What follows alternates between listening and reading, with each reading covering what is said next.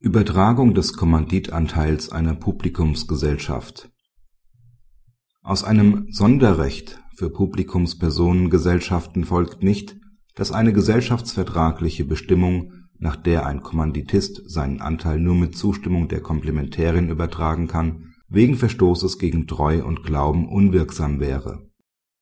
Die Komplementärin einer Publikums-KG hat unter Berufung auf den Gesellschaftsvertrag ihre Zustimmung zur Übertragung eines Kommanditanteils versagt.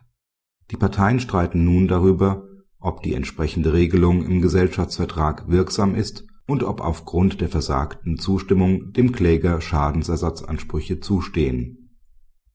Das OLG München weist die Berufung des Kommanditisten gegen ein klageabweisendes Urteil zurück und verweist im Wesentlichen auf einen vorangegangenen Hinweisbeschluss. Darin führt das OLG aus dass die gesellschaftsvertragliche Regelung der Zustimmungsbedürftigkeit einer Anteilsübertragung wirksam ist und es bei Versagung der Zustimmung auch keiner Begründung durch die Komplementärin bedarf.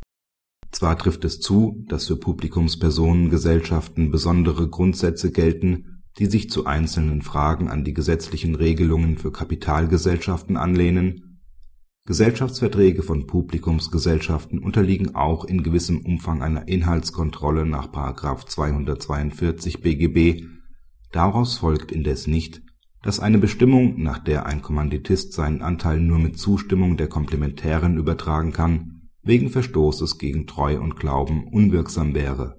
Nach Gesetzesrecht bedarf in einer normalen KG die Übertragung eines Kommanditanteils als Grundlagengeschäft der Zustimmung aller Gesellschafter dass diese gesetzliche Rechtslage für Publikumspersonengesellschaften per se unpassend wäre, kann nicht festgestellt werden. Im Gegenteil, auch in Kapitalgesellschaften besteht die Möglichkeit der Vinkulierung von Anteilen. Dementsprechend begegnet es auch keinen Bedenken, wenn der Gesellschaftsvertrag vorliegend statt der Zustimmung aller Gesellschafter nur die Zustimmung der Komplementärin fordert. Denn auch wenn, wie ansonsten bei einer KG das Erfordernis der Zustimmung aller Gesellschafter zur Anteilsübertragung bestünde, könnte die Komplementärin durch ihre Weigerung den Gesellschafterwechsel allein verhindern. Die Komplementärin war, als sie die Zustimmung zur Anteilsübertragung verweigerte, auch nicht gehalten, dies zu begründen. Insbesondere bedurfte es keines wichtigen Grundes für die Versagung der Zustimmung.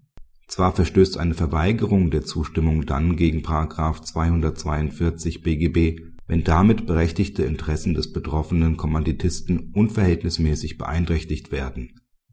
Dies könnte namentlich dann der Fall sein, wenn dem Kommanditisten die Veräußerung seiner Beteiligung auf längere Sicht faktisch unmöglich gemacht wird, indem etwa mehrfach die Zustimmung zur Übertragung im Hinblick auf verschiedene Erwerber verweigert wird.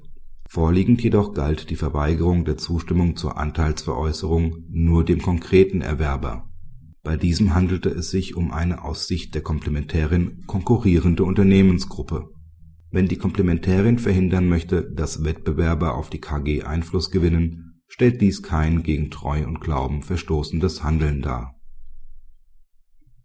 Praxishinweis Das OLG macht in seiner Entscheidung deutlich, dass die Inhaltskontrolle von Gesellschaftsverträgen auch bei Publikumspersonengesellschaften Grenzen unterliegt der Anleger muss sich also vor Erwerb einer Kommanditbeteiligung über die rechtlichen Rahmenbedingungen informieren und kann sich nicht darauf verlassen, dass ihm unliebsame Klauseln des Gesellschaftsvertrags über eine exzessive Anwendung des § 242 BGB gekippt werden